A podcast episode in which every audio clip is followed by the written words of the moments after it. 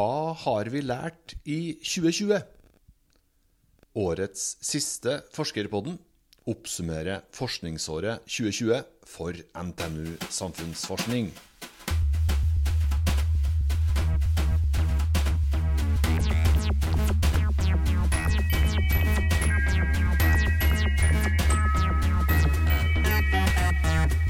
Alle våre fem avdelinger er representert.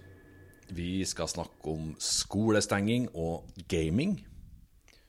Økonomisk krise og mulig lys i tunnelen.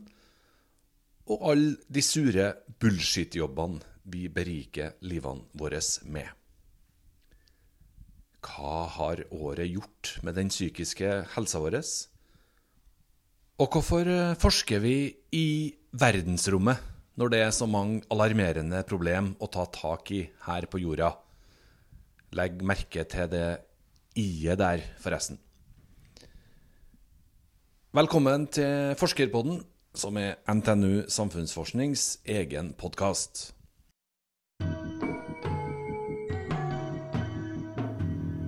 Vi tar opp podkasten vår i studio på Dragvoll i Trondheim, og navnet mitt det er Vegard Smevold. På denne siste sendinga i 2020 så har jeg med meg hele seks gjester i studio. Pga. Eh, smittevern så kan jeg invitere bare én eller to samtidig. Så gjestene kommer inn til meg her på tur, akkurat som i Dagsnytt 18 sier. Og apropos smittevern, det har vært et spesielt år. Det er årets store klisjé, det, å påpeke hvor annerledes 2020 har vært. Men det er ikke til å unngå. Heller ikke i Forskerpoddens årsoppsummering. Og så er det jo litt passende, da, at den eh, første gjesten min er med på Teams. Vi skal straks få besøk av eh, Beate Hyggen, som skal snakke om eh, skolestenging og det faktum at mange brukte den ekstra tida til å spille. Men aller først så skal vi snakke om trøndersk næringsliv og økonomisk krise.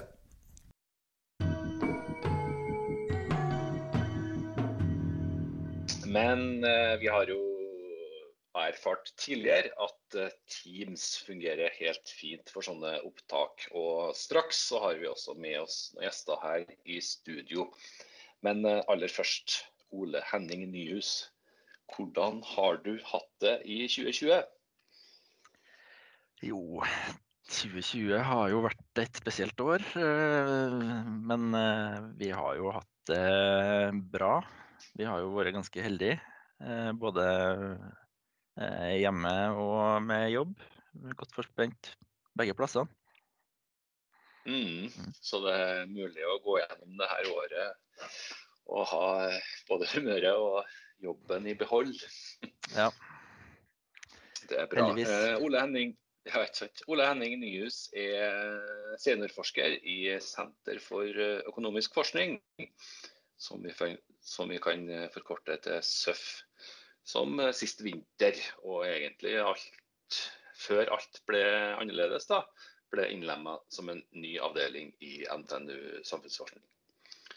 Du var med på en podkast uh, i sommer også, for å gi oss en uh, tilstandsrapport for det trønderske næringslivet etter noen måneder med både nedstenging og ei ny tid.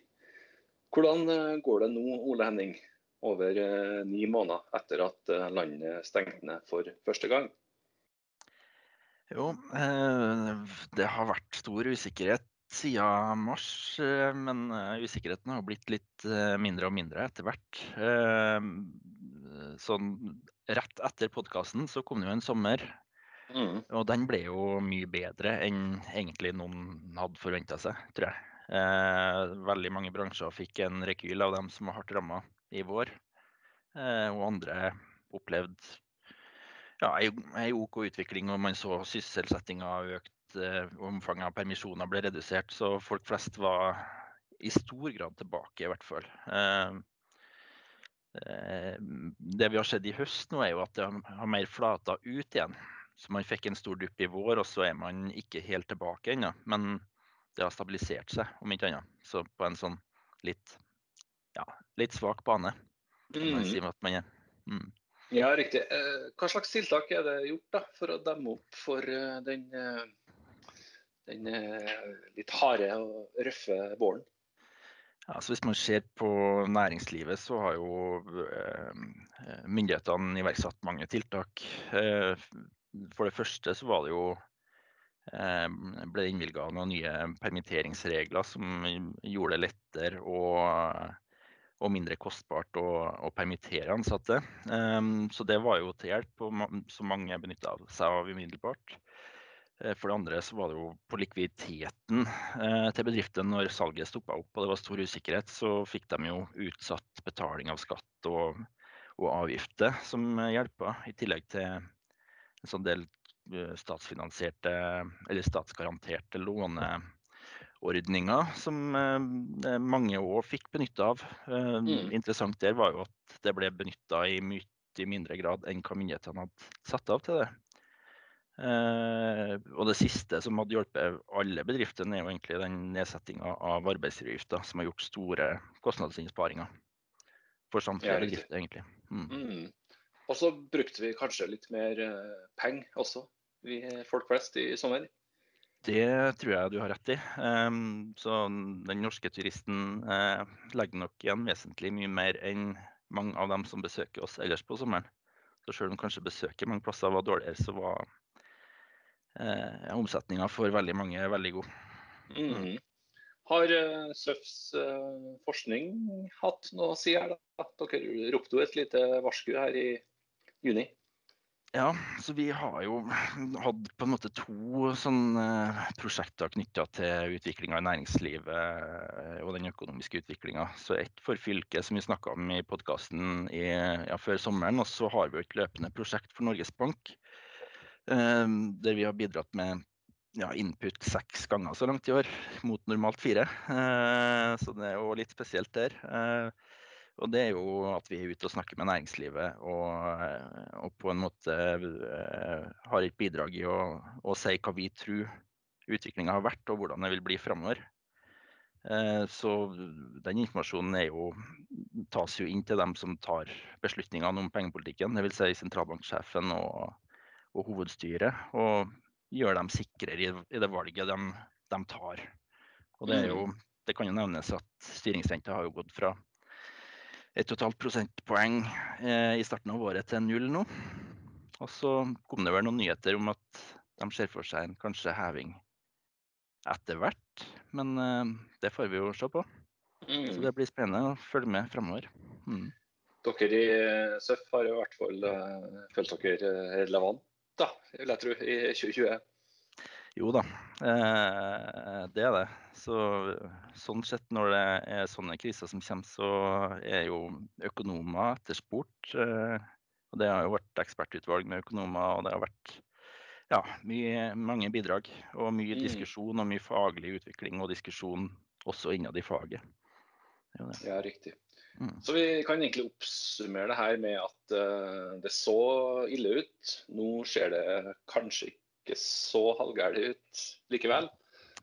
Nei, Det er usikkerhet for mange, og det er jo enkelte bransjer som sliter. Man uh, har en julebordsesong som er fraværende, som, mange, uh, som er viktig for veldig mange. Uh, men nå er det på en måte litt mer Man har litt mer kontroll på hvem som blir truffet av det her, i hvert fall enn den usikkerheten man opplevde tidligere. Men usikkerheten er betydelig fortsatt, da. Mm. Vi får kanskje være flinke til å bruke litt penger på restaurant og uteliv etter jul, da. Ja, det må vi prøve å få gjort. Mm. Ja, går det an å si noe mer om hvordan 2021 kan se ut? da? Eh, nei, så det vi eh, rapporterer om i, eh, for Norges Bank sitt regionale nettverk, er at vi tror at det skal mm. holde seg ganske stabilt. Eh, og med kanskje en liten forverring først, og så litt bedring utover våren. Eh, sånn at eh, i de store tallene så forventer vi ikke noe sånn betydelig forverring av noe slag, egentlig.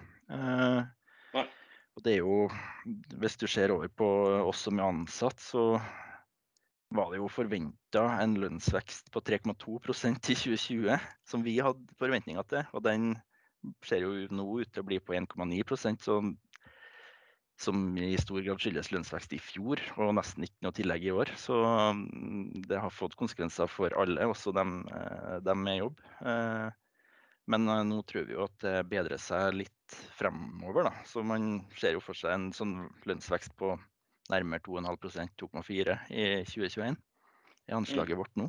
Mm. Ja, riktig. Det høres jo greit ut. Eh, til slutt, Ole Henning, har du barn i barnehage eller skolealder? Du? Ja, jeg har to skolebarn. Jeg har det. Hvordan eh, hadde dere det i mars og april, dere da? Vi eh, hadde jo greit, men vi savna jo sosial omgang alle sammen. da. Eh, så jeg satt jo og var Jeg jobba på samme pulten som andreklassingen, eh, nei, førsteklassingen da jobba på. Ja. og ja, så det var jo Produktiviteten for egen del falt jo ganske bra, men man fikk jo en iver etter andre ting. Så kjelleren ble rydda. Så noe bra kom det ut av også det. ja, ikke sant. Du er kanskje spent du på å høre litt mer om vår forskning på nettopp skolestenging, og hva de unge brukte all den ledige, ledige tida til? Absolutt. Da skal vi straks få Beate i studio her. Takk skal du ha, Ole Henning, og god jul. God jul til deg òg. Takk, takk.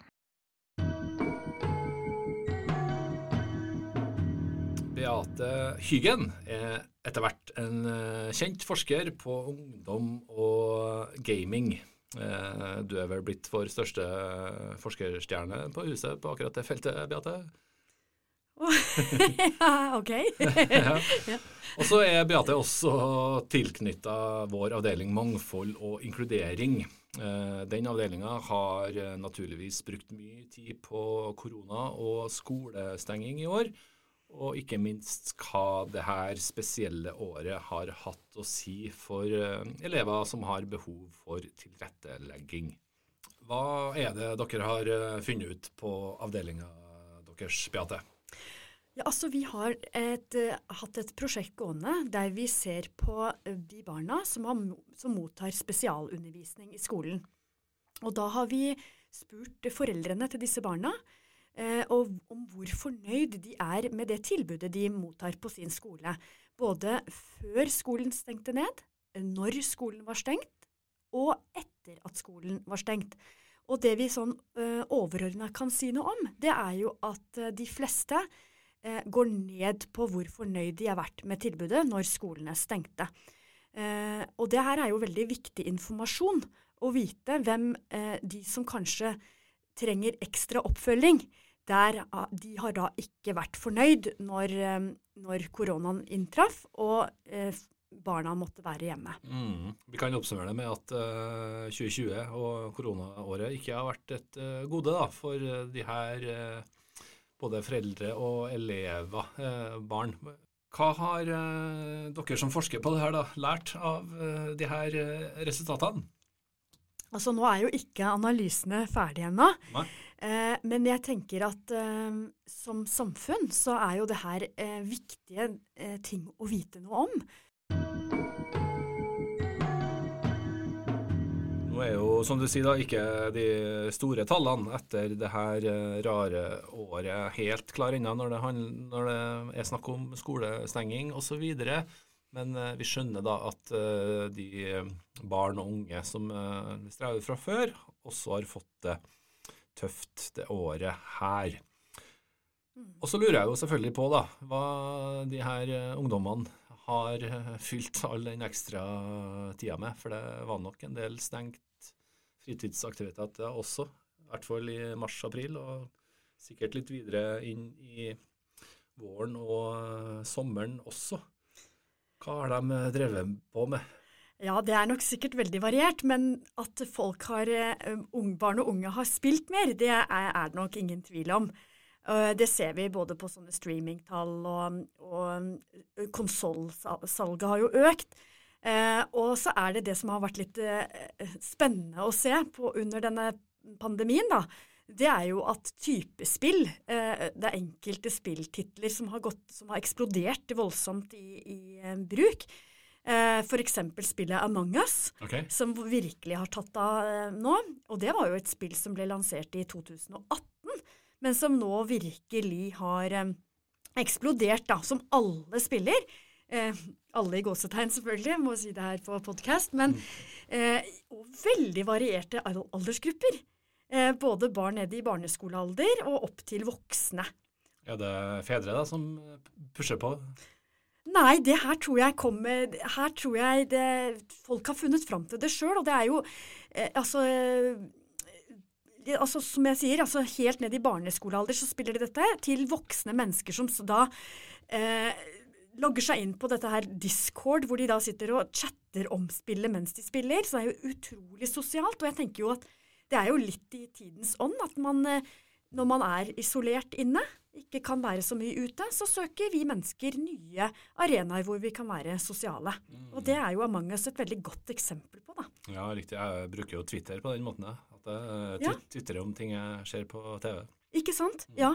Uh, og Among us, for eksempel, da, det er jo et, uh, egentlig en, en, god, gammel selskapslek. Okay.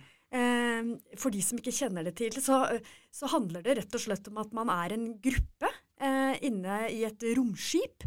Og så blir en eller to av disse her spillerne i hemmelighet utpekt som morder. Og skal da hemmelig myrde en av de andre, og så skal de andre finne ut hvem i rommet er morder. Litt sånn som den barneleken 'Morderen i mørket'. Den barneleken? Ja. Nei, bare jeg som har sånne groteske leker. ja, riktig. Eh, som lytteren skjønner, så har jeg jo da invitert eh, vår gamingforsker på huset, som eh, da tilhører mangfoldavdelinga også, men som er ekspert på det her feltet. Da. Hvorfor interesserer du deg for, for det her, Beate? Uh, ja, en av, altså Spilling er jo noe som alle barn, nesten alle barn, driver med. Altså, over, altså I snitt over 90% av gutter uh, mellom 9 til 18 år driver jo med dette. Eh, og jeg, forsker jo, altså jeg er jo en utviklingspsykologisk forsker, så det som berører barn, det er jo ting som opptar meg. Eh, og når det her fenger så mange, så er det jo, syns jo jeg det er veldig interessant å se på. Hva, hva, hva, betyr dette her for, eh, for, barn og unge? Hvilke effekter kan det ha, både positive og negative? Og jeg syns det er et veldig veldig spennende felt å, å forske på. Da. Mm. Du nevnte uh, Among us som et uh, spill som økte nå i uh, det her året 2020. Er det mm. andre spill som har økt? Ja, det var et annet, og nå kom jeg jo selvfølgelig ikke på tittelen, men det handlet jo da om, om en pandemi. om et virus som skulle spre seg over verden. Uh, og det også i starten av når um, korona først kom, så eksploderte jo det her spillet. Nå husker jeg ikke helt hva det spillet heter. Gjør du, Vegard? Nei, jeg, ikke, Nei, ikke jeg kommer ikke på det helt. Uh, men, men, det også er jo veldig sånn interessant at man spiller ut det som vi gjennomlever, da. Mm, mm. riktig. Vet vi noe om konsekvensene da, av all denne økte spillinga i 2020? Nei, altså, jo, vi har jo ikke sett på um, Altså, da, da, da gjentar jeg meg sjøl, men det å spørre om effekten av spilling, det er det samme som å spørre om hva er effekten av mat. For det er så utrolig eh, variert, da. Måten man spiller på, hvilke typer spill man spiller. Spiller man sammen med andre, spiller man aleine? Altså, det er så mangfoldig. Det er enormt mange sjangere og spill. Eh, så for å liksom si noe om effekter, så må man se på detaljer. Eh, og det er jo ingen som, eh, som har sett på på en måte det spørs jo hva man er ute etter, men sånn nå for eksempel så sitter jeg med en studie eh, hvor vi ser på um, spilling, eller skjermtid, eh, egentlig. All type skjerm, både sosiale medier, TV og, og gaming. Eh, og det i forhold til det med eh, ensomhet og psykiske helse. Eh, og da ser vi på det med eh, hvor vi kikker på det å være sammen med mennesker ansikt til ansikt, altså det å møtes, kontra det å møtes via skjerm, kontra det å eh, sitte alene foran skjerm.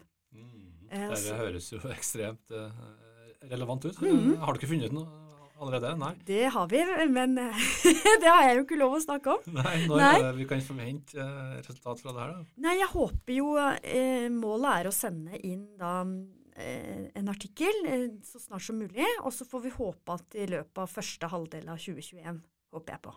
Mm, så da får vi vite om det er like bra å ha fredagspils på Teams som å møtes på puben. Ja, Kanskje ikke akkurat det spørsmålet, men litt i nærheten. Litt i nærheten av det. Det er straks jul, og det som nesten blir to uker ferie for mange når julaften er plassert på en uh, torsdag. Da blir det kanskje enda mer spilling på flere også, når vi da heller ikke skal på noen store familieselskap i mellomjula. Mm. Har du noe råd til oss som er foreldre? Mine er bare fire og ett, dem da, som ja. har ikke helt starta, men jeg er blitt interessert i iPaden, begge to. da. Ikke sant? Men uh, har du noen råd? Du, eh, noen råd. Eh, hvis dere er hjemme sammen som familie, kanskje det går an å spille noe sammen? Det finnes mange spill som er veldig sosiale og veldig morsomme partyleker som man kan bruke. Eh, for eksempel, ja, jeg skal ikke reklamere for noen kanskje, men eh, det er jo en del spill som krever at man er flere. Eh, hvor man kan både være fysisk aktiv, og man kan eh, bowle, og man kan eh, spille Ja, det er mye ting man kan gjøre sammen da, med å spille.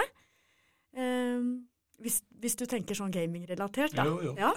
Så når bestefar skal insistere på å spille brettspill, så går det an å fortelle han at det går an også å spille uh, sosialt med en uh, konsoll? Det gjør det, men jeg jo, elsker jo brettspill selv, sånn at uh, det er jo kjempefint hvis man kan variere litt.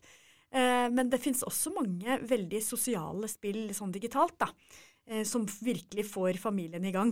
Mm. Og så skjønner jeg, skjønner jeg at et litt mantra for dere som forsker på det her, er at foreldre må være flinkere til å sette seg inn i hva ungdommene driver på med.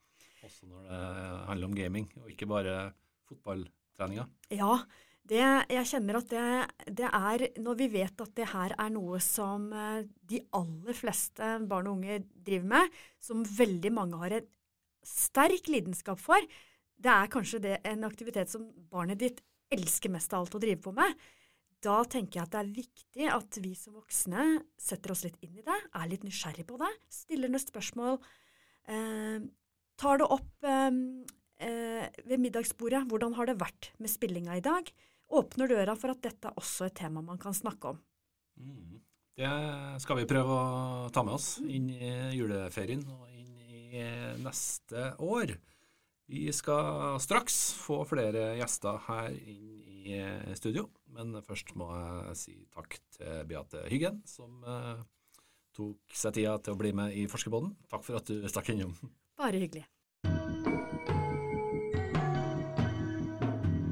Det kan jo hende at den eh, overgangen her blir litt brutal, men det er egentlig ikke meninga. Men vi skal over på en ny avdeling, og vi skal snakke om uh, psykisk helse. NAPA er NTNU Samfunnsforsknings eget kompetansesenter, som uh, nå akkurat nylig har blitt lokalisert i uh, nyoppussa lokaler i byen i sentrum, like ved Peter Egges plass, ikke langt fra biblioteket i Trondheim eh, sentrum. Leder i NAPA, Ellen Hoksmark, velkommen til Forskerpodden. Tusen takk. Veldig hyggelig å være her. Ja, Så bra. Hvordan har eh, flyttinga deres gått til nye lokaler? Det har gått eh, overraskende bra sett i lys av koronaen. Det er jo ikke liksom, verdens enkleste ting å flytte en hel eh, enhet eh, når alle egentlig burde være på hjemmekontor. Nei, ikke og egentlig ikke burde være noe særlig nær hverandre i det hele tatt. Men nei, nei. vi har fått alle tingene våre i hus, og det ser ut til å bli veldig bra. Mm. Er dere eh, fullstendig installert nå i de lokalene? Ja, vi venter på noen leveranser og sånn, sånn at vi som vi trenger for å bli helt operative. Da. Etter jul er det? Etter jul Sikkert så regner vi, med det. Ja, så bra. Vi skal være klar. Mm. Skjønner. NAPA det står for Nasjonalt kompetansesenter for psykisk helsearbeid. NAPAs uh, samfunnsoppdrag er å styrke lokale psykisk helse- og rustjenester for voksne. Stemmer det, Helen? Det stemmer helt. Mm. Og så er det da sånn ca. 13 000 årsverk rundt omkring i landet som jobber med det her. Og så er da NAPAs oppgave å styrke det her arbeidet rundt omkring i Norges Jeg tror det sto 350 kommuner, stemmer det nå? Ja. Det blir jo mindre og mindre. Er det 351 tror jeg? 351, ja. Jeg, har ikke full oversikt over det helt nøyaktige tallet. Dessverre, det burde jeg sikkert hatt. Det? det er ingen som har det lenger. Jeg tror det var bortimot 500 lærte jeg på skolen. Ja, ikke sant. Det begynner å bli en stund siden. Det. Ja, ikke sant. Jeg lurer jo på først, da. Hvordan eh, står det til med den eh, psykiske helsa vår i 2020, Ellen, etter et meget spesielt år? Mm. Det er jo et stort spørsmål som har mange, mange, forskjellige svar. Mm. Men, og, og, når vi gikk inn i, i koronatiden, så, så, opplevde jeg vel at, eh, at vi også fikk høre noen litt sånn dommedagsaktige eh, beskrivelser av hva som kunne skje. Mm. Um, økte selvmordstall og stor grad av ensomhet og økt uh, økt forekomst av vold osv. Mm. Eh, og det er klart at eh, dessverre så er det vel noe av det som har slått til. Altså at folk bor tettere på hverandre. Har vært, det har vært eh, mindre mulighet til å komme seg ut hjemmefra. Eh, alt det med hjemmeskole osv. som gjør at, altså, at eh, spenningen kan jo være, være økt at det er i et hjem og i mellom folk. Mm. Så det er jo en, uh, altså, en konsekvens man, vi, mener, vi, mener, vi ser. Mm. Men samtidig så, så, er det jo noe, sånt, noe med at um, kriser Kriser fører jo folk sammen nå. Sant? Og um, man har f.eks. ikke sett økning i selvmordsfortallene. heller motsatt. Ja. Uh, og um, så, sånn, det er vanskelig å si at, at overordnet at, at, den psykiske helsen i Norge er blitt dårligere gjennom koronaen. Det er vanskelig å si det? Ja. ja. Det, har, det, har slått altså, forskjellige eh, altså, Det har slått litt forskjellig ut, da. Ikke sant? Ja, riktig. Mm. Men eh, det er vel ikke å komme bort ifra at mye av det som eh, gjør den psykiske helsa vår bedre, er stengt ned. Er det da vanskelig å se de store ringvirkningene allerede i dag? Er det noe som Det er mulig at det er litt tidlig, ja. faktisk. Mm. Og det er Ja, det er klart at altså når, når eh, fri, altså veldig mye av fritidsaktiviteter blir stengt ned, muligheter til å møtes? Det er klart det påvirker oss. Men samtidig så er det jo sånn at alle er i samme situasjon. Mm. Så det er ikke sånn at eh, at det er meg det er noe spesielt med fordi jeg ikke er ute på kafé og møter noen venner. Er, vi er, alle er der. Mm. Og det um, Man skal ikke undervurdere det, hvordan det påvirker folk. Det er en slags uh, trøst i det òg, ja, mm. kanskje. Mm. Hva betydde datoen 12. mars for uh, dere i Napa? Den betydde uh, hjem på hjemkontor. Den betydde å ja, en bratt læringskurve på bruk av digitale, digitale samhandlingsmedier, ja. som for alle. Mm. Den betydde at vi måtte tenke helt nytt i forhold til aktiviteten vår. For mm. Vår aktivitet har, har, i stor grad handlet om å reise ut og møte møte folk som jobber i kommunene, arrangere konferanser, fagdager, ulike typer samlinger. Og alt dette måtte vi Vi, eh, vi måtte snu oss om og, og, tenke på hvordan får vi til dette på en digital plattform. Så det, det var en, eh, en ganske sånn krevende sånn, et sånt dobbeltløp som sikkert mange kjenner igjen. At du må, både måtte lære, lære seg en ny måte å samhandle på. Vi hadde jo ikke vi hadde jo akkurat fått eh, installert Teams. Vi visste ikke hvordan vi skulle ha Teams-møter. Nei, ikke sant. Det var litt sånn for oss òg. ja, ikke sant. Jeg tror det var sånn for alle. Det var veldig på mange måter bra, det. da. ja. Man uh, måtte lære det. Ja, ikke sant. Man måtte det. Og samtidig så måtte vi skjønne hvordan kan vi bruke dette verktøyet som vi akkurat nå, nå eh, lærer oss. Hvordan kan vi bruke det i omlegging av aktiviteten vår. Ja, For den aktiviteten deres er ganske eh, mye basert på å dra ut til norske kommuner, skjønner jeg? Ja, ikke sant. Altså, det er det, og så er det jo så På den andre siden av det var jo også at altså, vi har jo en nettside som er viktig for oss, og som når bredt ut. Og den ble jo enda viktigere fordi at uh, altså det ble vår måte å kommunisere med tjenestene på. Så vi, vi jobba jo hardt for å formidle det som, som vi håpet var nyttig for tjenestene. Mm. Nå kommer jeg kanskje med et litt brått spørsmål som du ikke har forberedt. Men jeg husker da jeg omtalte NAPA i fjor, under eh, den årsoppsummeringa vi laga da, så hadde NAPA akkurat passert én million eh, treff eller visninger da, på sin nettside. Har du tall for 2020, eh, eller? Nei, det har jeg nok ikke. Men jeg vet at vi hadde en økning de første månedene. Mm. Jeg lurer på om det Det var mellom 10 og 20% økning fra året før for akkurat de tre, de tre første månedene av pandemien. Mm. Så vi så noe økning. Ja. Mm. Det viser i hvert fall at eh, behovet for dere ikke akkurat er mindre da, eh, etter det året her.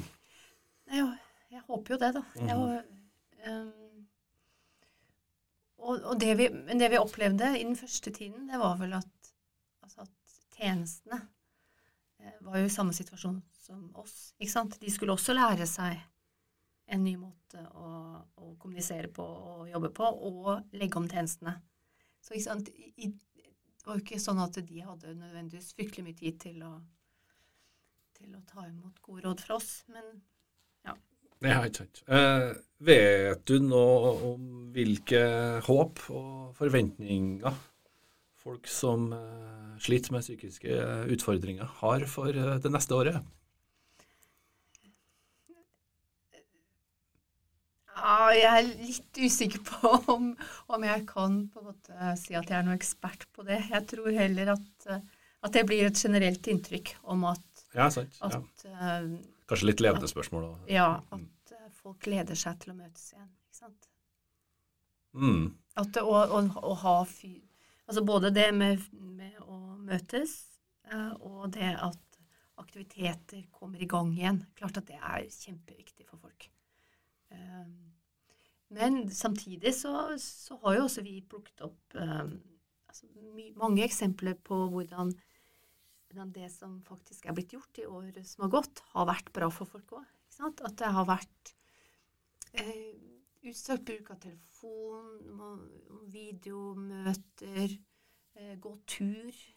Vi har fått, fått beskrivelser av, av um, veldig mye altså godt arbeid som jeg håper også blir med videre. Ikke sant? Mm. Altså, jeg, jeg tenker jo at vi alle har lært mye i løpet av dette året. Ja, sant. Vi får håpe at det blir sånn om fem år, at vi ser tilbake til, på det året her, og kanskje litt av neste år òg, at det er kanskje mest positivt å ta med seg. Vi har jo en tendens til å glemme det som har vært verst. Ja, ikke sant. Vi har jo det. Og jeg tenker sånn for oss som senter, så, så kan vi kan ikke gå tilbake til det vi var før 12. mars. Vi, det, er liksom, det er noen eh, spor som er gått opp som vi ikke kan, eh, kan lukke, på en måte. Ja, på hvilken måte da? Nei, At vi kommer til å jobbe mer digitalt. Ja, riktig. Mm. Vi er nødt til det. Altså, vi skal møte Vi skal være relevante for kommuner i hele Norge.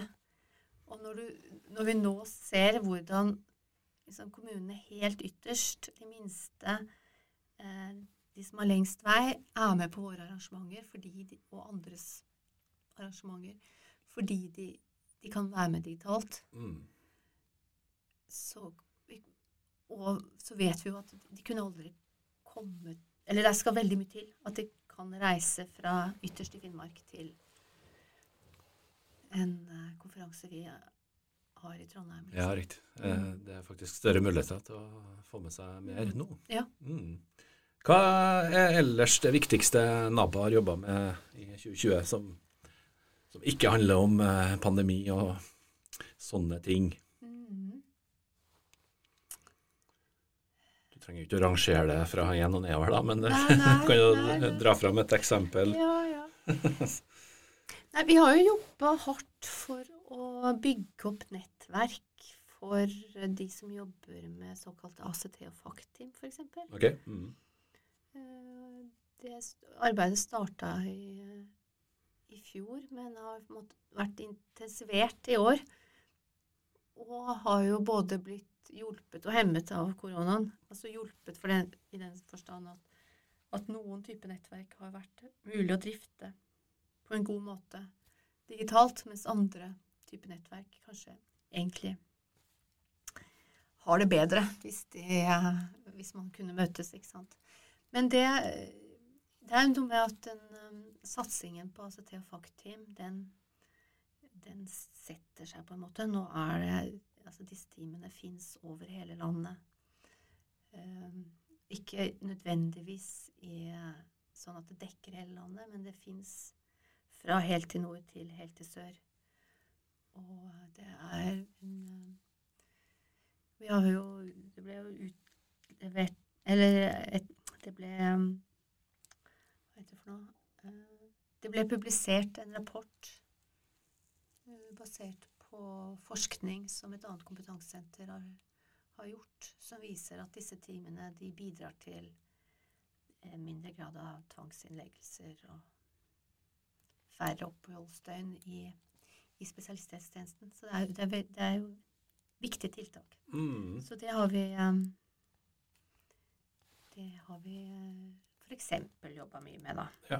Og så, vet jeg at dere eh, også eh, ønsker å vri eh, eh, virksomheten deres også litt fra det å bare da, i hermetegn være et kompetansesenter til å også drive eh, forskning. Eh, og et prosjekt som kalles Rekon, er noe dere har jobba med i år, som handler om å redusere tvang i psykiatrien. Mm. Hvordan har det arbeidet gått? Ja, har, altså det er også artig at jeg har, har fått til det under korona. For det her har handlet om å, å eh, jobbe med utvalgte kommuner om, om tiltak for å eh, forhindre tvangsinnleggelser altså ved hjelp av tiltak i kommunalt psykisk helsearbeid. Eh, så der er det jo noen det er noen hos oss som har vært ute og møtt de ulike kommunene, og det har vært litt, litt koronastyr rundt det. Men det har, det, har, det har, gått eh, så vidt jeg har forstått. Um, og, um, og det, er, det, er, jo veldig spennende det at, at uh, så å si all forskning på det, på det å, um, å, forhindre tvangsbruk, det er gjort i spesialisthelsetjenesten. Mm. Mens dette prosjektet det handler om å se på hva skjer før man står på dør, dørstokken til, til sykehuset. Hva, hva, hva, kan kommunene gjøre for å hindre at man kommer så, så langt? Da? For å hindre mm. Mm. Når er det vi kan forvente forskningsresultater der, da? Altså, man må jo være ferdig med intervensjonsfasen for å kunne si noe. Så, så det er jo vel snakk om ja, etter sommeren neste år, tror jeg. Ja. Men eh, det er allerede publisert en artikkel, faktisk. Eh, hun som er vår ph.d.-kandidat eh, på dette prosjektet, hun ja. har, har, publisert en artikkel om de, altså forberedende, eh, det forberedende arbeidet før intervensjonen. Ja, riktig. Mm. Skjønner. Så det er vi litt stolt av.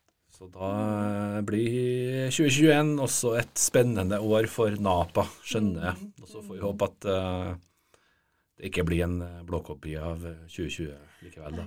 Ja, nei, jeg, jeg, håper virkelig på at vi klarer å ta med oss det beste fra, fra året som har gått, og kombinerer det med det beste fra det vi har holdt på med før. Ja, riktig. Virkelig. Mm. Takk for at du uh, stakk innom, Ellen Hoksmark. Eh, klarer du å legge unna jobb når du tar juleferie? Ja, det tror jeg faktisk. Det ja. tror jeg. Det har vært intenst. Mm, det har vært en intenst år for så mange, som for så mange andre. Ja, riktig. Så, så Mm. mm Selv om jula blir litt annerledes, så tror jeg det blir godt med ferie for, de, for mange av oss. Ja, det tror jeg òg. Og jeg håper at, eh, at alle får mulighet til å ta seg fri og gjøre noe annet. Og tenke, tenke minst mulig på korona. Absolutt.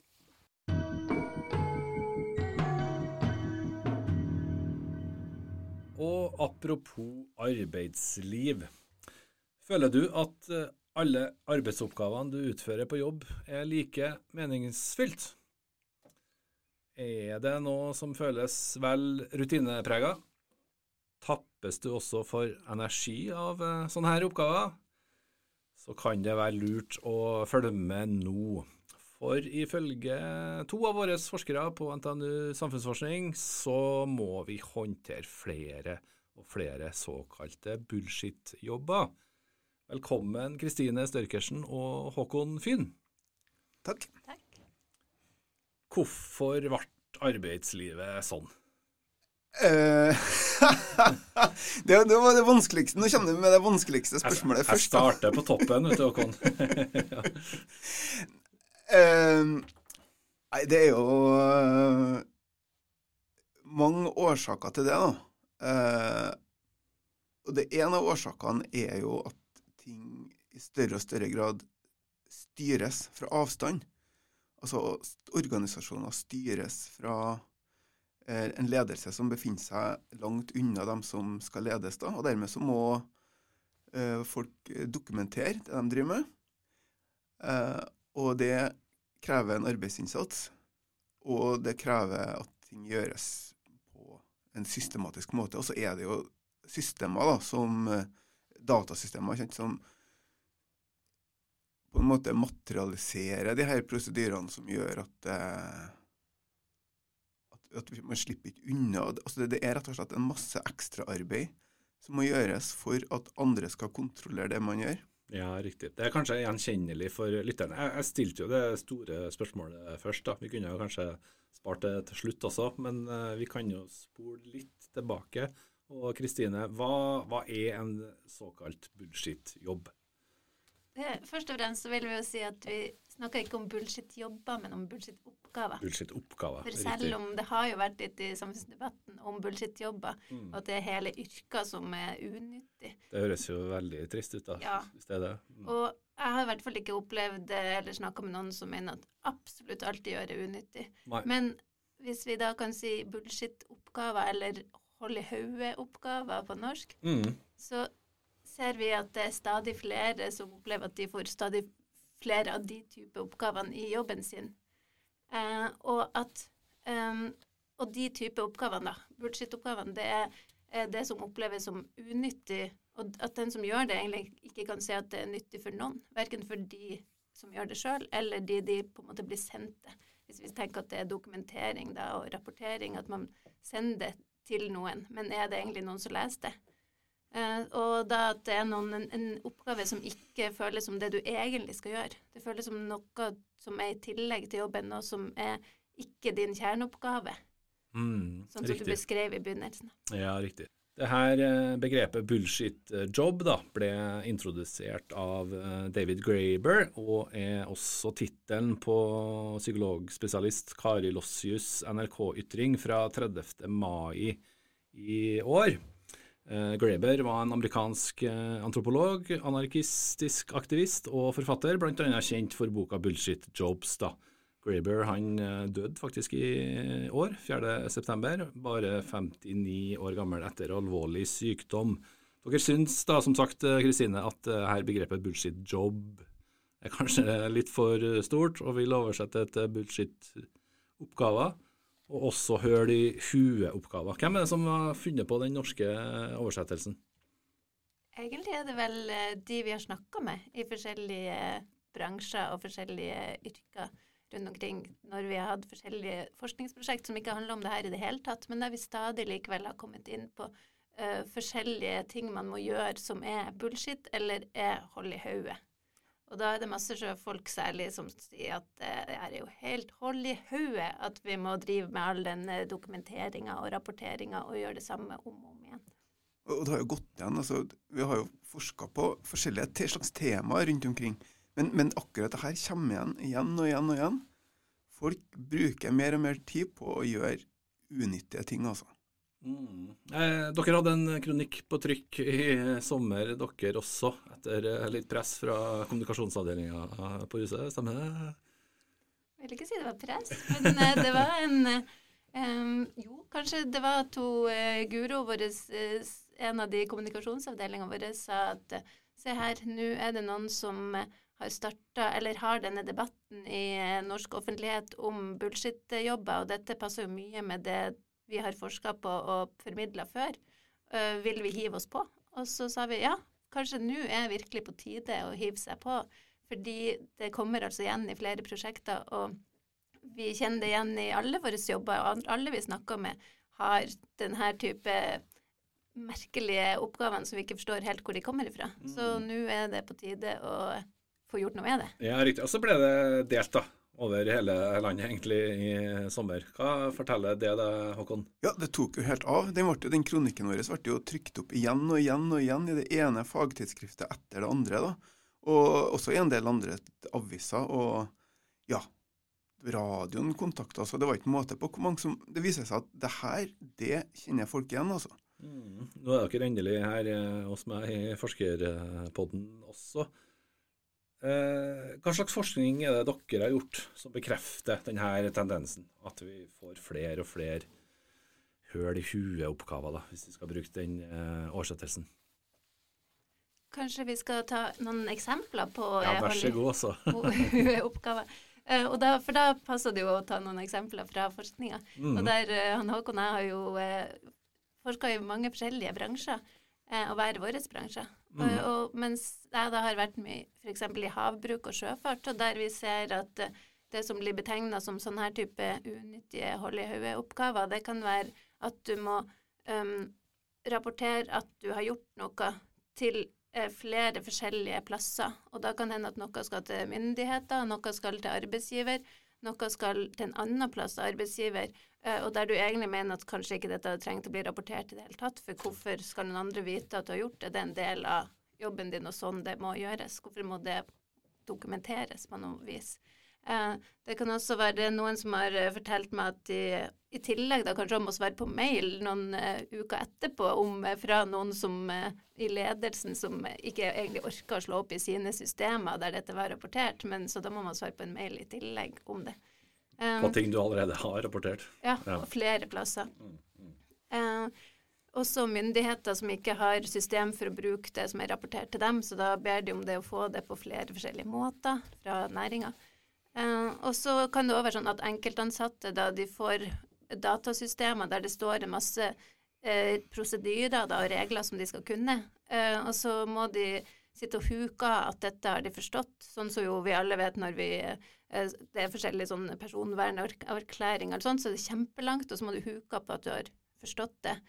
Og når du skal gjøre en jobb i tillegg og har 800 prosedyrer du ikke har huka av, så vet vi at da går det ikke an å få tid til å sette seg inn i å lese alt dette. Så føler du at du sitter og huker av på at du har forstått noe som du eh, ikke egentlig vet hva som sto der, og så føler du at da har du gjort dette for å dekke ryggen til arbeidsgiver og ikke for at det nødvendigvis var noe nyttig ellers for jobben din. Nei, nettopp. Eh, du har eh, erfaring fra byggebransjen, vet jeg, Håkon? Ja, det er, Hva du har her? Det der jeg stort sett har, har jobba, da. Og det som, eh, det som går igjen, er jo at dokumentasjon som må gjøres, skal gjøres for folk som ikke kan det faget som de som dokumenterer, må gjøre. da. Så det må mm. gjøres i en sånn standard som er forståelig for noen som sitter på et kontor eh, som betyr et ganske stort sånn, oversettelsesarbeid, rett og slett, da, eh, for eh, håndverkere. Eh, og det oversettelsesarbeidet, det er jo sånn at det må følge ganske I, i hvert fall i en god del tilfeller så må det følge ganske sånn rigide maler. da. Så man, eh, man tvinges til å fylle ut et digitalt skjema, f.eks., som har noen spesielle kategorier som du må putte inn i. Og så er det veldig mye som foregår av bygging som ikke alltid passer inn i de kategoriene. da. Og Da må de eh, liksom bruke fantasien litt og få det til å stemme. da, ikke sant? Og det som er kanskje tydeligst å se nå, da, som vi ikke så for eh, en del år siden, det er jo at når de her systemene er digitale, så får du sånne sånn, type nedtrekksmenyer som du må klikke deg gjennom for å komme videre. Og hvis du ikke klikker krysser av, så kommer du ikke videre. Det stoppes. Så du, de støter mot det som vi kaller for nedtrekksmenymakt. Altså, selv om det som står i nedtrekksmenyen ikke stemmer, ingen kategorier stemmer, så kommer du ikke videre i skjemaet før du har fylt ut en av dem. Og da må man jo bare fylle ut et eller annet. da. Og så er det sånn at du får jo ikke gjort ferdig jobben før du har fylt ut hele greia der, da. Og, og, det her er noe folk fanges i, altså. Mm. Må han som da egentlig er best på å slå inn spiker og bygge hus, sette seg med det her skjemaet før han kan gå hjem fra jobb, da? Ja. Eh, eller eh, Et eksempel er jo sånne mm, rådgivere som kommer hjem det er jo f.eks. som skal gi folk i hus eh, råd om oppgradering av energistandarden. da. Mm. Hvordan kan du få det her bygg, gjøre om på det her bygget sånn at du bruker mindre, mindre strøm, bedre isolasjon og sånn. Mm. Og da eh, er det jo flere av de rådgiverne som forteller at de må bruke så mye de må fokusere så mye på det skjemaet da, at de får egentlig ikke snakka med de folkene som bor i, i huset. Ikke sant? Så de mange, de mister noe fordi de blir slukt opp i det skjemaet. Mm. Vi er på havet og vi er på byggeplassen her. Eh, er det andre bransjer som er, som er ille, eller verst i klassen på det her? Vi har vel opplevd at uh, alle bransjene vi studerer, som, men, uh, og, men også mange andre bransjer, um, opplevde det her. Vi har jo sett i media da at uh, helsepersonell særlig eh, snakker mye om det, og eh, lærere. Og, og, at det da gjør at man ikke får gjort det viktigste med jobben. Sånn, de som skal snakke med folk, får faktisk ikke sett på folkene eller kjent på stemninga, for de er opptatt av et skjema. Eller de som skal styre en båt, får ikke sett ut av, av vinduet mm. av ruta for å, å, se på havet. Eller at de Eller at man for du spurte om man må gjøre dette, om den som egentlig skal slå i spikeren, må gjøre dette før. Men kanskje av og til må man gjøre det før, av og til så må man gjøre det etterpå. Og da bare tar man en sånn uh, økt der man bare går gjennom 1000 papirer eller uh, skjema. Mm. Og så kan vi igjen da regne med at ikke det blir gjort på mest gjennomtenkte måten. men så lenge det er gjort, så er det greit. Og det er vel det som kanskje kjennetegner en bullshit-oppgave. At da, okay, da er det sendt ifra og ut i et eller annet intet, og så blir det håndtert av noen som ikke helt vet eh, hva de driver med, eller eventuelt ingen. Og mm. når du spør om eh, andre områder, da, hvor mm. det her er fram, så er det et, et, altså det område som jeg ikke har forska så mye på, men som vi har ganske mye erfaring med, nemlig universitetssektoren. da. Der er det jo sånn at uh, forskning i større og større grad styres gjennom uh, styringssystemer som genererer bullshit-oppgaver. altså. Uh, og da er det jo det, kanskje det eksempelet som jeg har brukt som har flest folk har kjent igjen, da, det var jo en gang jeg skulle, skulle ha en konferanse, og vi skulle bestille rundstykker til tolv personer. Halvparten av dem var vegetarianere. Altså vi skulle bestille ja, det, det, som var poenget, var å få seks rundstykker uten kjøttpålegg, og seks med, da. Før i tida så gikk jeg jo bare bort til kantina og ba dem å smøre på tolv rundstykker, og så var den saken grei, da. Mm. Eh, men nå var det, jeg måtte gjennom et bestillingssystem, da, så jeg måtte gå til en sånn en, eh, jeg som satt på kontoret, kontoret, og liksom hadde det som oppgave å bestille ting. Og hun måtte ta fram et skjema, og det var ikke måte på hvor mange sånne menyer vi måtte bla oss gjennom. da, Vi måtte fylle ut skal du ha, hvilken type rundstykke skal du ha, ja, og hva skal du ha på? Skal du ha skinke? Skal du ha paprika? Skal du ha Og alt måtte krysses ut, da. Og så til slutt så var det ikke bare å sende bestillinga til kjøkkenet, men da måtte den bestillinga sendes til en controller som skulle kontrollere at, eh, at ingen av oss prøvde å lure til oss tolv rundstykker uten, eh, uten lov. da. Men da skjedde en feil. sånn at det, Pga. at systemet var stilt inn på en jobb som hun hadde tatt tidligere, da, som gjorde at den gikk til kontrolleren på fakultetet istedenfor på instituttet. da. Oi. Og da Det eneste vi måtte gjøre da, det var å begynne på nytt. Fylle ut alt. Og hvor, hvor motløs blir du av sånt?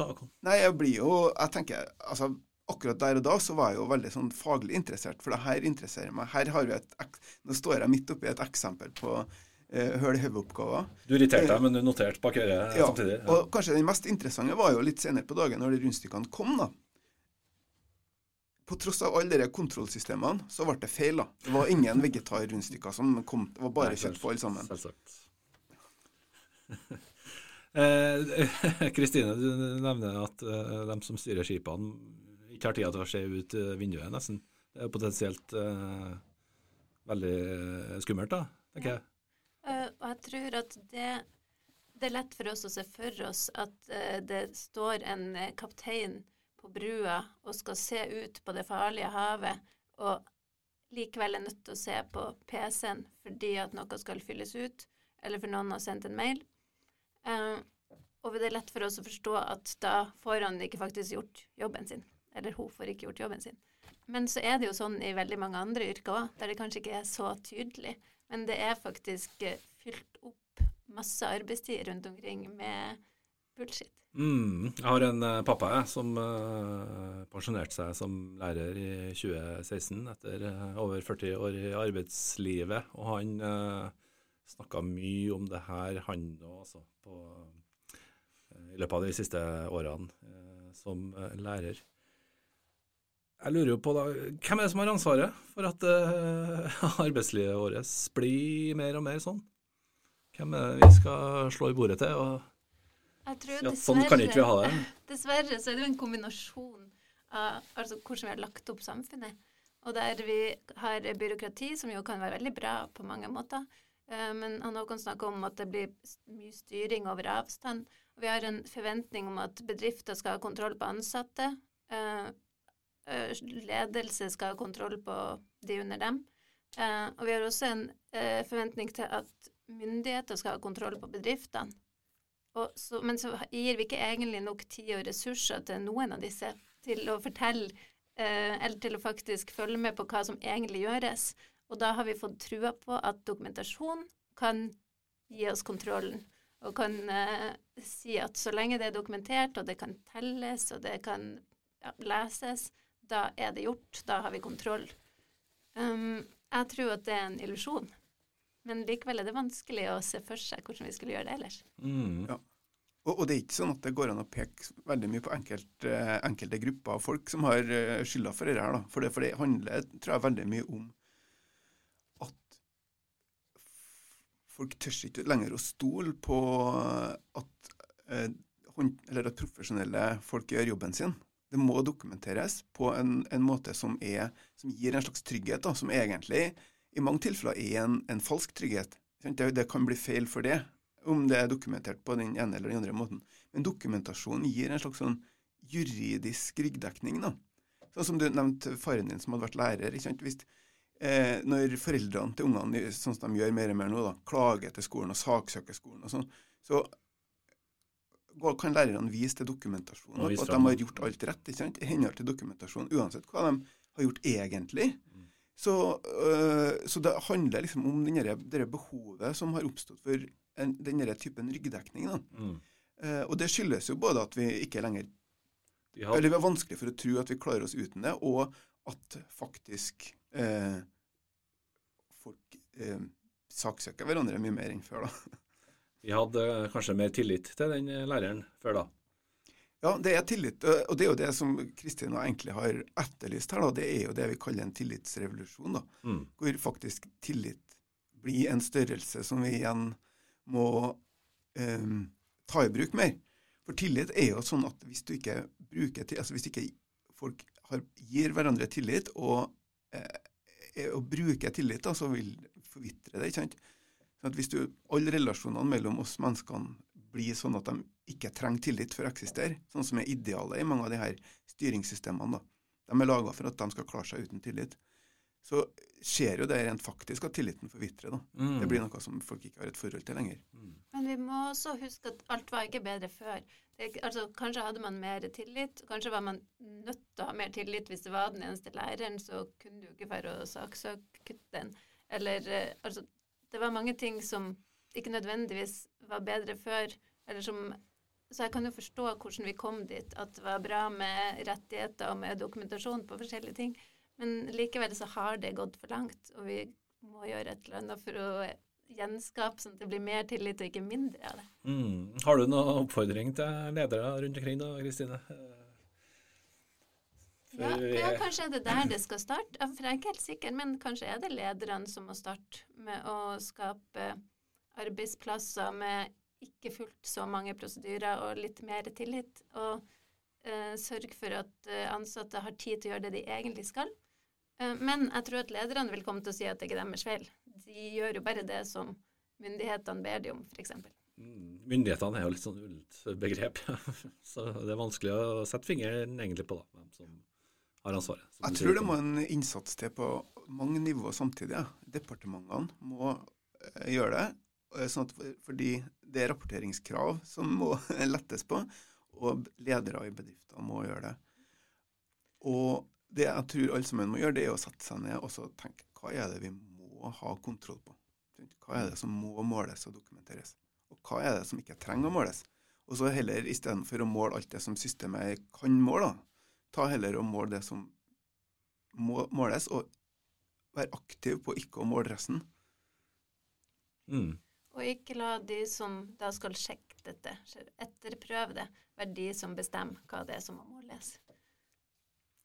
Skjønner. Eh, har eh, kronikken eh, deres eh, hjulpet noe? Har dere oppfatta det? Ja, jeg tror det er mange som bare med å se at de ikke står alene i, det, i det her, har ja, faktisk eh, fått inspirasjon til å holde ut. da. Oi, det er flere som har det sånn som meg. Ja. Mm. Hvordan eh, blir jula i år eh, hos dere? Hvem er det som lager middagen på julaften?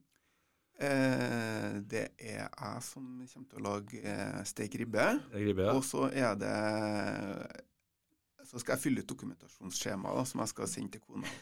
Eh, at jeg har fylt alle prosedyrene. Ja, altså, I tilfelle noe skjærer seg. Er det noe bullshit over det å koke potet, eller? Nei. Nei? det er nødvendig å sette på kokevannet for at det skal bli jul. Akkurat. Da sier jeg takk til både Håkon Fyn og Kristine Størkersen. Så ønsker jeg dere eh, god jul. Takk for oss, og god jul. Ja, og så skal vi straks reise en tur ut til verdensrommet.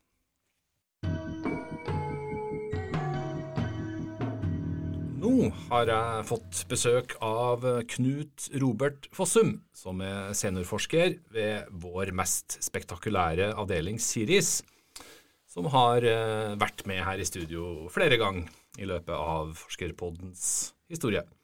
Siris er en eh, forkortelse for den engelske oversettelsen av Senter for tverrfaglig forskning i rommet.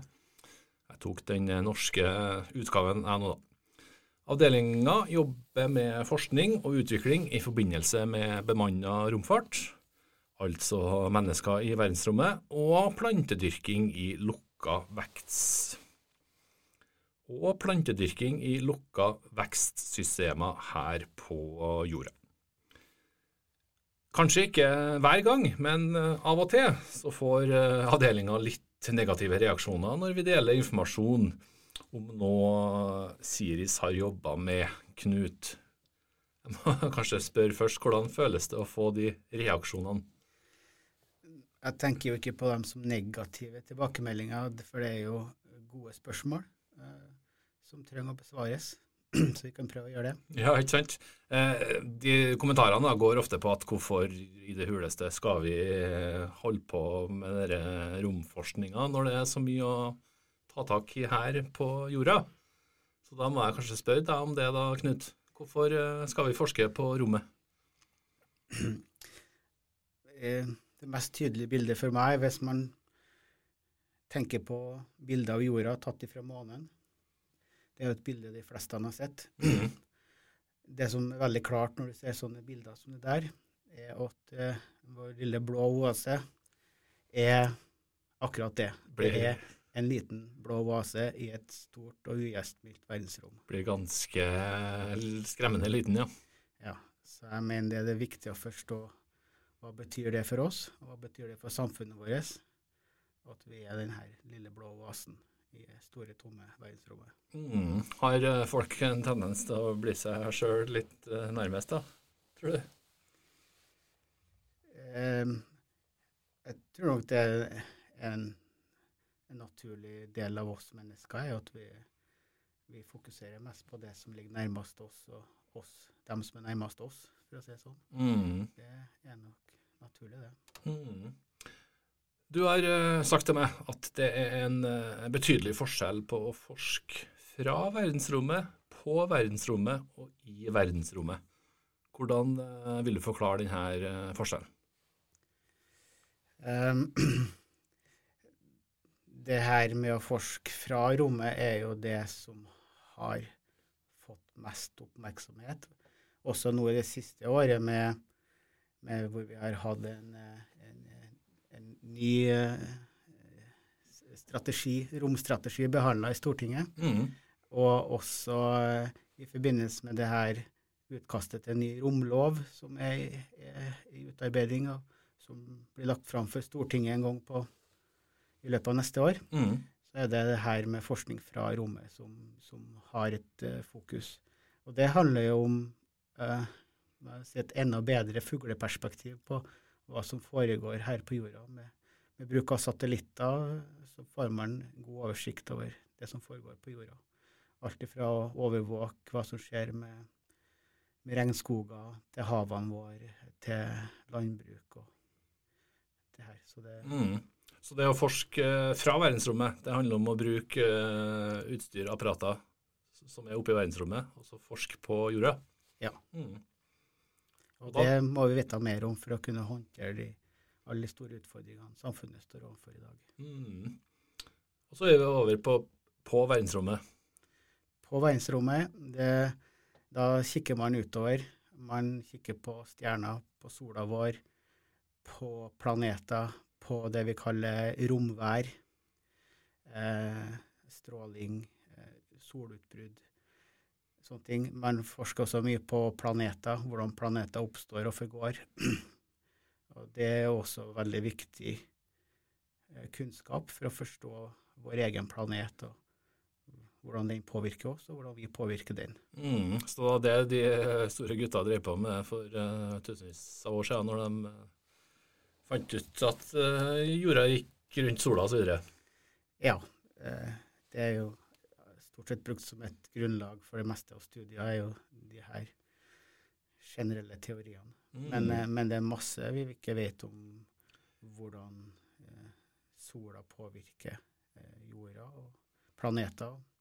Eh, sånn som man antar Mange antar at Mars f.eks. var en planet med vann. I dag så er det en gold-ørkenplanet. Ja, riktig. Eh, og i lys av ekstreme klimautfordringer, så kan det jo være hjelpsomt å forstå hva var det som skjedde mm, med den planeten, så vi kan unngå at det også skjer med vår. Mm, så vi er ikke uh, helt i mål med å forske uh, på verdensrommet ennå, på ingen måte. for å si det mildt. På ingen måte. Nei. Og så er vi over på I. Ja. Da skjønner jeg, da skal vi til Siris og NTNU samfunnsforskning. Det er det vi fokuserer på, ja. Mm, på hvordan måte da?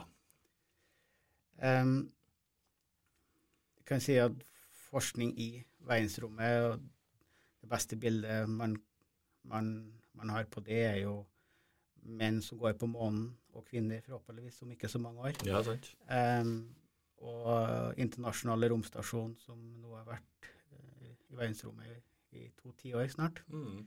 Det var de beste bildene på forskning i rommet. Mm. Og forskning i rommet gjøres vanligvis Man kan dele det inn i tre hovedbegrunnelser. Det ene er menneskets utforskelsestrang. Mm. Vi har eh, dykka, klatra og kravla høyt og lavt på den planeten vi har, og det ligger litt i, i hvert fall naturen til mange av oss, om ikke alle av oss, å utforske. Uh, så sånn sett er da å utforske verdensrommet som som en del av omgivelsene våre, så blir en naturlig ting for mange å gjøre. Mm. Den andre begrunnelsen man ofte bruker, er at ved å, ved å søke og takle de utfordringene det er å, å dra til verdensrommet, det enorme fysikken, fysiske krefter som krever for å komme dit med raketter, eh, det ekstreme miljøet som er der for å kunne overleve, det å prøve å løse problemer knytta til de taklingene, har gang på gang vist seg at får oss til å tenke nytt. Og det fører til nye konsepter, nye teknologier, som kommer samfunnet her på jorda til gode. Mm. Så det er en sånn Ved å tenke og løse ekstreme problemer, så dukker det også opp gode, bedre løsninger på hverdagslige problemer. Så det er det man kan si en sånn, sånn eh, spin-off, som vi kaller det, som er eh, verdiskapning knytta til det å, å, å, å, gjøre utforskning. Ja, riktig. Det her er ja. den, siste, og kanskje av mange også kjent, er, mm. det jeg kaller plan B. Mm. Eh, Elon Musk kaller det ikke 'legge alle eggene i samme kurven', mm. men det handler om eh, en filosofisk tanke om at hvis noe det verste skulle skje, og jorda skulle forgå, mm, mm. Eh, så bør vi mennesker sikre oss eh, en, en arv som ikke ene og alene avhengig av jorda, da, kan du si. Mm.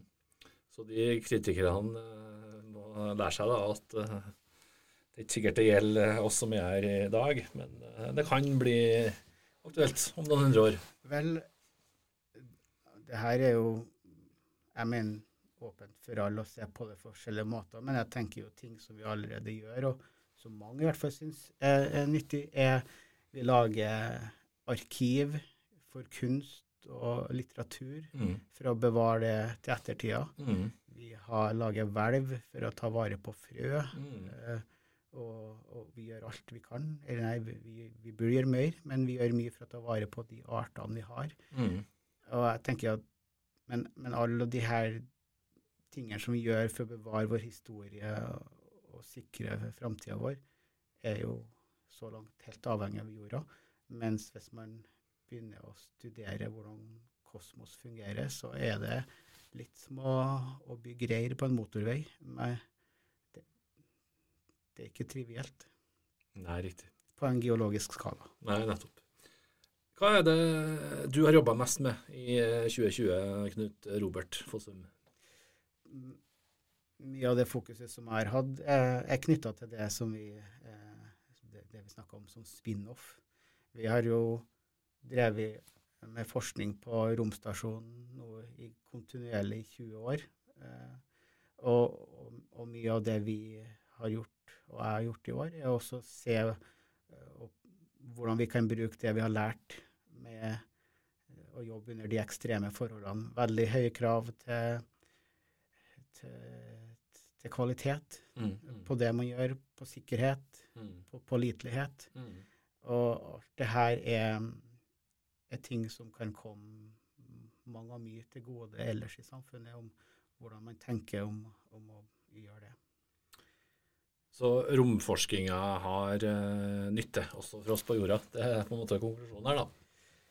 Ja, jeg mener det. Mm. Uh, I mange perspektiver så så bidrar det til å løse de problemene vi må løse her på jorda. Det gir oss økt innsikt. Mm. Ved å se på jorda for å forstå det bedre hva som skjer. Mm. Ved å se på lignende planeter for å forstå enda bedre hva, hva, hvordan jorda, en planet, fungerer. Og ikke minst, eh, skulle det aller verste skje, så har vi en plan B som sikrer menneskehetens overlevelse. Mm. Vi har jo alle, eller de fleste av oss i hvert fall, har jo hatt eksamen f.eks. der vi jobber hardt mot et mål som skal skje om ganske kort tid. Vi har frister på jobben osv. Hvordan eh, føles det å jobbe med noe som potensielt ikke er ferdig i din levetid engang? Hvis jeg kan stille et sånt spørsmål. Det krever vel kanskje en viss type mindset men uh, det kan være frustrerende, men det kan også være veldig givende. Mm. For jeg tenker jo sånn at det er viktig å løse morgendagens problemer. Men hvis, ja, det har vi sett gang på gang gjennom historien, hvis vi løser morgendagens problemer om ikke feil, så i hvert fall ikke optimalt, mm. så har vi nye problemer å løse i overmorgen. Ja, riktig. Det er nesten litt ekkelt å tenke på den tanken der. Vel, jeg tror de fleste av oss ville gjort alt vi kan for å sikre eh, barna våre en bedre verden enn det vi overtok. Dog er jeg ikke sikker på om vi klarer det, men det, jeg tror de aller fleste ønsker det. Og, og aller fleste har en plan for hva barnebarna sine skal, skal oppleve. Og det her er jo viktig som opptar alle, men spørsmålet er eh, når slutter det å bli relevant å tenke? Er det på tipp-tipp-etterkommerne våre, eller jeg mener det er om ikke like mye eh, Om vi ikke tenker like mye på den sjette, sjuende generasjon som vi gjør på neste generasjon, mm. så må vi i hvert fall bruke litt tid på å tenke også på det. Mm. For eh, mine barn er jo, blir jo da deres barn det viktigste. Og for deres barn igjen blir deres barn det viktigste. Så det er jo egentlig ikke noe vanskelig å tenke de leddene heller. Eh, kanskje pga. månelandingsjubileet i 2019, men eh, sikkert også for de enkelte private aktører, da, som du var inne på her. Eh, som eh, Ellen Musk nå ønsker å undersøke, undersøke rommet enda mer igjen, så har romfart fått mer og mer oppmerksomhet de siste årene. Hva syns du om det? Jeg syns jo det er positivt. Jeg tenker jo forskning og oppmerksomhet er jo litt som kjærlighet. Mener, det er ikke en begrensa plass av kjærlighet. Man kan, man kan, tenke to ting. Vi må løse problemene vi har her på jorda, men det går også an å følge vår utforskningstrang og eventyrlyst og gjøre de her fantastisk spennende tingene som eh, SpaceX og Elon Musk prøver å gjøre. Mm. Hvordan har eh, pandemien påvirka det dere på Siris jobber med, og måten dere jobber på? Det mest merkbare er vel reiseaktivitet. Ja, riktig. Eh, vi jobber stort sett med internasjonale samarbeidspartnere både i Europa og andre kontinenter.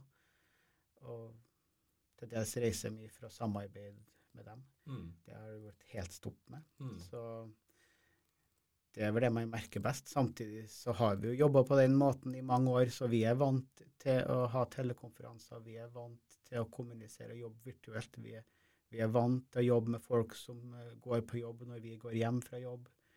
Uh, Pga. tidssone osv.? Ja. ja, når vi jobber med folk i Japan og USA, så må, må man tenke på de her tingene når man planlegger arbeidshverdagen. Så, sånn sett så var vi kanskje litt bedre rusta enn en mange andre. Men, men, vi også har nok blitt påvirka av, av, pandemien, helt klart. Mm. Det er jo mange som sier at denne pandemien her er bare en forsmak på fremtidige naturkatastrofer. Hvis det blir eh, virkelig ille, så må vi flytte til Mars, de fleste av oss, da, eller? Nei. Nei du rister på hodet? Jeg rister på hodet. Det skal er veldig tydelig tegn på radioen. Men, um, men nei, jeg mener det er en litt absurd idé. For det første så tror jeg ikke vi kan flytte fra våre egne sykdommer og svakheter. De blir med oss uansett hvor vi drar hen. Ja, riktig. Um, så jeg syns ikke det generelt er en god idé. Og, og, uansett så handler jo ikke utforskning om at alle skal dra en sted. Det handler bare om at vi har flere plasser å være. Mm. Men er det da de rikeste da, som får uh, stikke av?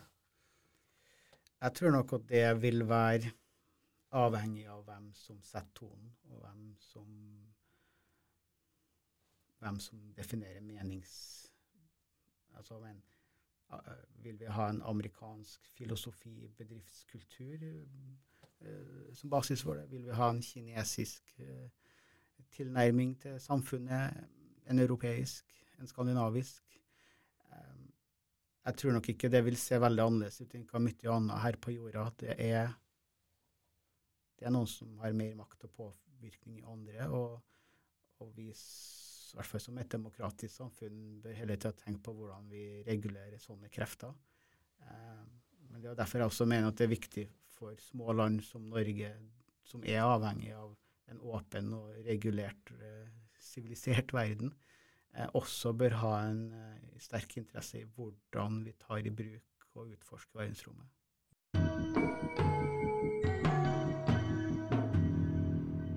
Siris, eh, som holdt til på Dragvoll i eh, Trondheim, sørger i hvert fall for at eh, Trøndelag er bitte litt med på laget. Traust, men eh, trygt og sikkert. ja, ikke sant. Da sier jeg takk til deg, Knut Robert eh, Fossum. Og så sier jeg også takk til alle gjestene som har eh, vært med meg på denne sendinga. Ole Henning Nyhus, Beate Hygen, Ellen Hoksmark, Håkon Fyn, Kristine Størkersen og til slutt Knut Robert Fossum. Programleder for Forskerpodden er som vanlig undertegnede Vegard Smevold. NTNU Samfunnsforsknings egen podkast. Den heter Forskerpodden. Du kan følge oss på Facebook og Instagram. Da søker du opp Forskerpodden, og så hører du oss på alle mulige plattformer for podkast. Da sier jeg god jul, godt nyttår, og uansett hvordan 2021 blir, det blir helt sikkert annerledes enn 2020. Vi høres neste år.